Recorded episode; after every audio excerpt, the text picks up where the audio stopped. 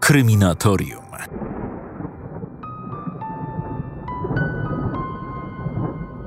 Dramat rozegrał się w łazience. Jej małżeństwo było pasmem udręk.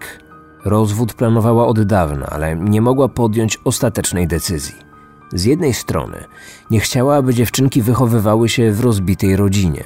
Z drugiej miała dość takiego życia. Feralnego dnia rozmawiała z siostrą, która widząc jej strach, prosiła, aby przed mężem pochowała wszystkie noże. Kryminatorium. Sprawa z magazynu Detektyw. Relacja między małżonkami była coraz gorsza. W ostatnich tygodniach przed tragiczną nocą Lidia ze strachu przed mężem spała z córkami w jednym pokoju, na jednym łóżku. Dziewczynki miały 9 i 12 lat. Lokal, w którym mieszkali od jakiegoś czasu, nie był zbyt obszernym. Raptem dwa pokoje z kuchnią na czteroosobową rodzinę. Dziewczynki zajmowały mniejszy pokój. Sytuacja w domu była coraz bardziej napięta. Awantury wybuchały prawie codziennie, zwłaszcza, że Lidia zaczęła mówić o rozwodzie i sugerowała, aby Łukasz się wyprowadził. On jednak nie chciał słyszeć ani o rozstaniu, ani zmianie adresu. Powodem pogłębiającego się kryzysu był alkohol. A pił Łukasz. Żona, Lidia, najpierw prosiła, aby się opamiętał, potem groziła. Wszystko na nic. Alkoholizm w rodzinie to choroba wszystkich jej członków. Pije jedna osoba, a domownicy cierpią wspólnie. Badania pokazują, że od alkoholu najczęściej uzależnieni są mężczyźni. Jak podaje portal abczdrowie.pl, szacuje się, że ryzykownie nadużywa alkoholu około 16% polskiego społeczeństwa. Życie z alkoholikiem wiąże się ze stanem permanentnego napięcia i przeciążenia emocjonalnego. Alkohol w rodzinie pociąga za sobą inne formy patologii. Na przykład pojawia się przemoc seksualna, fizyczna, psychiczna, agresja, problemy finansowe, problemy w kontaktach z ludźmi, z prawem. Dlatego Lidia chciała zmienić swoje życie. Nie zdążyła. Feralnego dnia w mieszkaniu rodziny przebywała Lidia, jej mąż i starsza córka. Młodsza nocowała u koleżanki. Głowa rodziny, Łukasz, był pod wpływem alkoholu. Około godziny 22 Lidia poszła do łazienki przygotować się do snu. Jej córka siedziała w swoim pokoju. Mąż był w drugim. Po chwili mężczyzna podniósł się i poszedł za żoną. Zaczęli się sprzeczać. Coraz bardziej podnosili głosy. Nagle mężczyzna wycofał się z łazienki, poszedł do kuchni, czegoś szukał i po chwili wrócił do żony. Zaniepokojona awanturą córka postanowiła sprawdzić, co się dzieje. Kiedy zajrzała do łazienki, zobaczyła ojca wymachującego ręką nad głową mamy. W ręku trzymał nóż. Dziewczynka wybiegła z mieszkania, aby wezwać pomoc. Niebawem na miejscu pojawił się jeden z sąsiadów. Niestety było już za późno. Po godzinie 23 w domu państwa była już policja i prokurator. Lidia nie żyła. 36-letnia kobieta zmarła wskutek ran, które nożem zadał jej pijany mąż. Część z nich zadano z taką siłą, że ostrze na wylot przebiło jej ciało. Co tam się wydarzyło? Dlaczego doszło do takiej tragedii? Czy wszystkiemu winny był alkohol? Jak ta rodzina wcześniej funkcjonowała? Czy bliscy wiedzieli, co się dzieje? A wreszcie, jak swoje zachowanie tłumaczył sprawca mordu, Łukasz? Mężczyzna został zatrzymany chwilę po dokonaniu zbrodni. W wydechanym powietrzu miał 2,5 promila alkoholu. Kiedy wreszcie można było go przesłuchać, przyznał się do zabójstwa żony. Rodzina zamordowanej kobiety mocno przeżyła tragedię. Jej matka trafiła nawet do szpitala. A o całej sytuacji dyskutowali mieszkańcy miejscowości, w której doszło do zbrodni. Współczuję im wszystkim, bo po takiej tragedii trudno się podnieść. Wszyscy jesteśmy w szoku. Czasami widywaliśmy mocno pijanego Łukasza, czasami bywał także agresywny, ale na tle innych specjalnie się nie wyróżniał. Łukasz usłyszał dwa zarzuty. Zabójstwo oraz wielokrotne znęcanie się psychiczne nad żoną Lidią. Zdaniem prokuratury do śmierci kobiety doszło wskutek przeszło 40 uderzeń kuchennym nożem. W czasie postępowania przygotowawczego Łukasz częściowo przyznał się do winy. Nie zaprzeczał, że zamordował żonę, ale nie czuł się winny znęcania psychicznego nad nią. Jednak w sądzie zaczął korygować swoje wcześniejsze wyjaśnienia. Oto fragment jego oświadczenia, które na sali sądowej przeczytał z kartki. Byłem przerażony w czasie zeznań, nie wiedziałem, co się do mnie mówiło, a później znajdowałem się pod wpływem środków psychotropowych albo uspokajających. Głos miał opanowany, nie tracił kontroli nad swoim zachowaniem. Nie wydawał się poruszony, zrozpaczony ani zdenerwowany. Mężczyzna odpowiadał na pytania prokuratora, obrońców, adwokatów rodziny jego żony oraz sędzi, chociaż, jak podaje głos Pomorza 24, jego wyjaśnienia czasami były sprzeczne. Nie zaplanowałem zabójstwa. Tego dnia byłem raczej niepoczytalny, dlatego dokładnie nie pamiętam, jak to się stało, że złapałem za kuchenny nóż, poszedłem do łazienki i uderzyłem nim żonę. Nie miałem pojęcia, że zadałem jej tyle ciosów, jak to wynika z aktu oskarżenia. O tym, że Lidia nie żyje, dowiedziałem się dopiero od policjanta, który przywiózł mnie do komisariatu. Prokurator i adwokaci chcieli się dowiedzieć, czy Łukasz miał problem z alkoholem. Zazwyczaj piłem dwa, trzy piwa przed meczem oraz tradycyjną ilość alkoholu w gościnie. Jednak później przyznał, że owszem, miał problem alkoholowy. Litka nie chciała mi wybaczyć, że piłem. Obiecywałem jej, że przestanę. Obiecywał, ale nie potrafił się wywiązać z tych zapewnień. Powiedział także, że trzy miesiące przed tragedią posłuchał telefoniczną rozmowę żony z koleżanką i ponoć zwierzyła się jej, że jest w ciąży. Byłem pewien, że to moje dziecko. Tego dnia jednak powiedziała, że była w ciąży z kochankiem. Zapytałem, czy nadal się z nim bzyka. Odpowiedziała, że to nie moja sprawa. Mężczyzna oznajmił, że wcześniej nie poruszył tej kwestii, bo nie przywiązywał do tego znaczenia, ale jak powiedział na sali sądowej, postanowił to wyznać po rozmowie ze swoim obrońcą i innymi osadzonymi. Matka Lidii od dawna nie miała o zięciu dobrego zdania. Zaczął pić i kłócić się z Lidią, kiedy jeszcze razem mieszkaliśmy. Podpity chodził po mieszkaniu w samych slipach i był agresywny. Kiedy trzy miesiące przed tragedią pojechałam do Lidii, też był podpity. W nocy spałam razem z córką i wnuczkami na jednej wersalce w małym pokoju, który na noc zamykałyśmy. Ja też się go bałam, a córka była kłębkiem nerwów. Już od kilku lat się go bała. Najpierw nie myślała o rozwodzie, bo chciała, aby córki miały pełną rodzinę.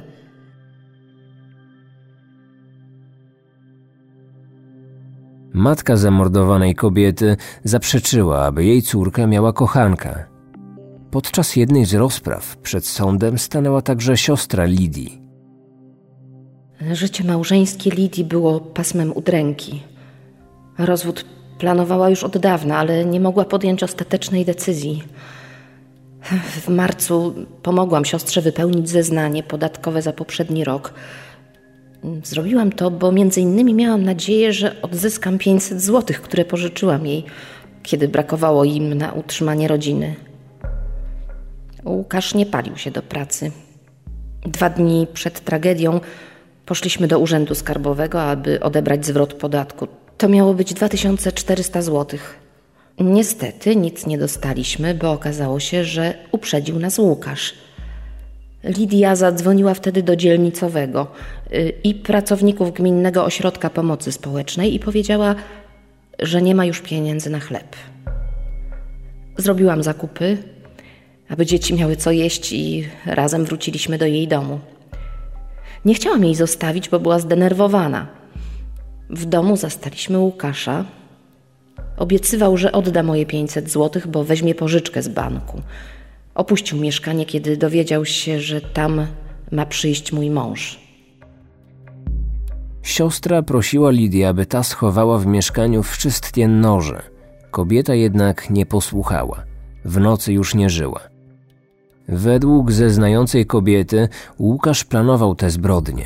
Nie był to efekt impulsu czy konsekwencji rodzinnej sprzeczki. W nocy, tuż po tragedii, Łukasz powiedział do ochroniarza pilnującego pobliskiej budowy: Zrobiłem, co miałem zrobić. Wcześniej natomiast chwalił się, że planuje kupić nóż. Na krótko przed śmiercią Lidia poinformowała mnie, że Łukasz pożyczył maszynkę do strzyżenia, aby, jak jej powiedział, golić się w więzieniu. Nigdy nie byłam bezpośrednim świadkiem awantur, które wszczynał Łukasz, ale siostra zawsze mi o tym opowiadała. Podobno dochodziło do nich często i bardzo wulgarnie się do niej odnosił. Łukasz spokojnie słuchał tych słów na sali rozpraw. Nie drgnął mu ani jeden mięsień na twarzy, nawet wtedy, gdy szwagierka opowiadała o przeżyciach jego dzieci. Co chwilę notował coś na kartce. Był bardzo skupiony na tej czynności. Spokój zachowywał również, kiedy przed sądem stanęła przyjaciółka Lidii. Kobieta czasami wpadała do ich mieszkania, ale najczęściej rozmawiała z Lidią przez telefon. Zapewne dlatego, że jak powiedziała przed sądem, w grudniu 2014 roku została wulgarnie zwyzywana przez Łukasza podczas wizyty w ich mieszkaniu. Łukasz wrócił wtedy do domu podpity. Rozebrał się do slipów i położył do łóżka. Tłumaczyłyśmy mu, że powinien się zmienić. Zaczął nas wyzywać, a potem wyprosił z domu. Innych podobnych sytuacji nie widziałam, ale Lidia często mówiła, że mąż ją wyzywa. Kilka tygodni przed śmiercią spała z córkami w małym pokoju, bo bała się Łukasza. Mąż miał problem z alkoholem. Nie słyszałam też, aby Lidia wdała się z kimś w romans albo była w pozamałżeńskiej ciąży. Jestem pewna, że gdyby tak było, powiedziałaby mi o tym. Myślała w końcu o rozwodzie. Jednak najbardziej wstrząsający moment był wtedy, kiedy na sali sądowej odtworzono nagranie zarejestrowane kamerą z zeznaniami starszej córki Lidii i Łukasza. Dziewczynka złożyła je kilka miesięcy wcześniej na zamkniętym posiedzeniu w obecności biegłego psychologa. Co istotne, była jedynym bezpośrednim świadkiem tragedii. Tamtego wieczora siedziałam w małym pokoju przed laptopem. Moja młodsza siostra spała u koleżanki. Ojciec był pijany, oglądał w pokoju telewizję razem z mamą. Po pewnym czasie mama poszła do łazienki, aby przygotować się do snu. Tata poszedł za nią. Wtedy usłyszałam, że zaczęli się kłócić. Mówili podniesionymi głosami. Nagle ojciec wyszedł i poszedł po coś do kuchni. Postanowiłam zajrzeć do łazienki, aby sprawdzić, co się dzieje. Wtedy zobaczyłam, jak ojciec jedną ręką trzyma mamę za nadgarstki, a drugą machał nad nią nożem. Krzyknęłam do niego, aby przestał i go odepchnęłam. Potem wybiegłam z mieszkania, aby szukać pomocy u sąsiadów. Tego dnia już nie wpuszczono mnie do mieszkania. Pojechałam do domu wujka, a rano dowiedziałam się, że mama nie żyje. Kiedy dziewczynka szukała pomocy, zareagowało kilka osób. Jeden z sąsiadów natychmiast przybiegł do mieszkania, w którym miało dojść do tragedii. Kiedy wszedł do środka, Łukasz miał do niego powiedzieć: Już nic jej nie pomoże. Wracając do zeznań córki, nastolatka opowiedziała także o atmosferze, jaka panowała w domu przed tragedią. Kłótnie między rodzicami zaczęły się, gdy miałam 6 albo 8 lat. Zwykle dotyczyły tego, że ojciec obiecywał mamie, że przestanie pić, ale słowa nie dotrzymywał. Wówczas mama groziła, że się z nim rozwiedzie, a tata ją szantażował, że coś sobie zrobi albo że wszystkich nas pozabija. Krzyczeli na siebie wzajemnie, ale bez brzydkich słów. Tata najbardziej opiekował się psem, całował go i brał ze sobą do łóżka. Pewnego dnia tata powiedział, że musi pożyczyć lub kupić maszynkę do włosów, bo w więzieniu blondynów gwałcą. Wiarygodność zeznań nastolatki oceniła psycholog, która stwierdziła, że dziewczynka mogła nie pamiętać dokładnie słów, które zostały wypowiedziane podczas tej feralnej nocy, ale przebieg zdarzeń pamiętała jak najbardziej. Jeśli chodzi o rodzinę Łukasza, przed sądem stanęła jego matka. Broniła go tylko połowicznie. Podkreślała jednak, że był dobrym dzieckiem. Oskarżony został przebadany przez psychiatrów, którzy wydali opinię, ale sędzia postanowiła powołać drugi zespół specjalistów. To postanowienie było skutkiem wniosków ze strony obrońcy oskarżonego oraz prokuratora, który sporządził akt oskarżenia. Okazało się, że obydwie strony miały zastrzeżenia do opinii, które na poprzedniej rozprawie przedstawili trzej biegli. Stwierdzili, że Łukasz nie jest chory umysłowo, chociaż rozpoznano u niego zaburzenia osobowości. Nie panuje nad emocjami, jest wybuchowy, zdolny do agresji i autoagresji, ale jest poczytalny i może odpowiadać za zabójstwo żony. Obrońca Łukasza stwierdziła, że opinie biegłych psychiatrów i psychologa były niepełne i sprzeczne. Biegli nie potrafili dokładnie wskazać kiedy i jakie leki psychotropowe brał oskarżony. Pani mecenas przekonywała, że dokumentacja procesowa zawiera informacje o różnych omamach oskarżonego. Przypominała również, że jeszcze przed tragedią jej klient podejrzewał żonę o to, że jest w ciąży z innym mężczyzną i że pokątnie urodziła dziecko. Natomiast po zabiciu żony Łukasz miał słyszeć jej głos i mieć jej obraz przed oczami. Mecenas mówiła także, że Łukasz podejmował próby samobójcze przed tragedią i dwa razy po, kiedy przebywał w areszcie. Tę sytuację skomentował też psychiatra. Omamy występowały zbyt krótko i nie powtarzały się, a wypowiedzi oskarżonego były na tyle adekwatne, że nie można go było podejrzewać o istnienie choroby psychicznej. Jeśli chodzi natomiast o próby samobójcze, w trakcie trwania związku były formą przemocy psychicznej i miały na celu wpędzenie żony w poczucie winy. To była forma manipulacji i robienia z siebie ofiary. Próby samobójcze po tragedii interpretuje jako formę samoukarania i wyraz obawy przed karą. Kryminatorium. Sprawa z magazynu Detektyw. Obrońca Łukasza wnioskowała o skierowanie go na ponowną obserwację psychiatryczną. Sąd jednak uznał, że zgodnie z prawem nie może tego zrobić, ponieważ z takim wnioskiem nie wystąpili biegli psychiatrzy. Ostatecznie powołano drugi zespół biegłych psychiatrów, ale to w niczym nie pomogło Łukaszowi. Został on skazany na karę dożywotniego więzienia. Postanowiono także, że o wcześniejsze zwolnienie będzie mógł się ubiegać po 25 latach odsiadki.